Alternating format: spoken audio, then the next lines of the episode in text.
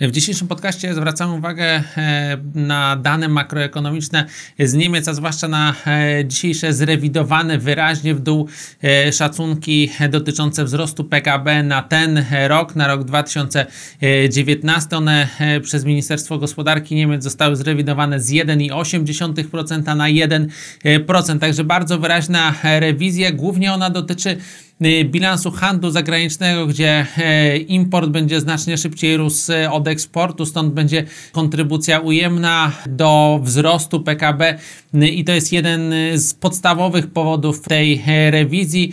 Y, te słabsze, e, słabszy bilans handlowy wynika z mniejszego popytu zewnętrznego, który jest efektem spowolnienia światowej gospodarki czy spowolnienia wzrostu światowej gospodarki. Również te wojny, potyczki handlowe sprawiają, że na przykład chińska gospodarka generuje mniej popytu na, na urządzenia, na maszyny, na przykład z niemieckiej gospodarki, a ta niemiecka gospodarka, jak wiadomo, jest dostarczycielem dóbr inwestycyjnych do innych gospodarek e, światowych.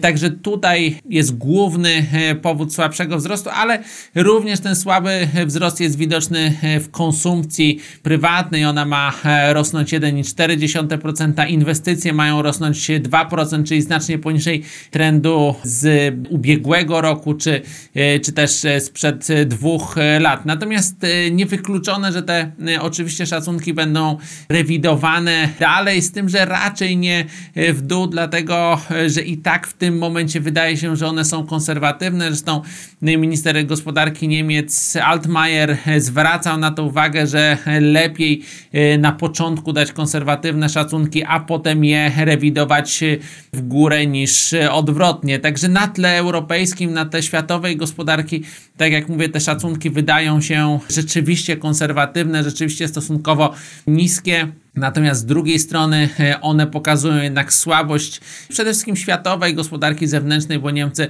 e, głównie e, korzystają z dobrej koniunktury, jak ta koniunktura siada, no to wtedy tracą. I również pokazuje to słabość gospodarki strefy euro, gdzie tego popytu na niemieckie dobra nie ma, a niemiecka gospodarka jak to ma w zwyczaju tego popytu wewnętrznego, zwłaszcza konsumpcyjnego, nie kreuje aż tyle, żeby pomagać inwestycjom wewnętrznym.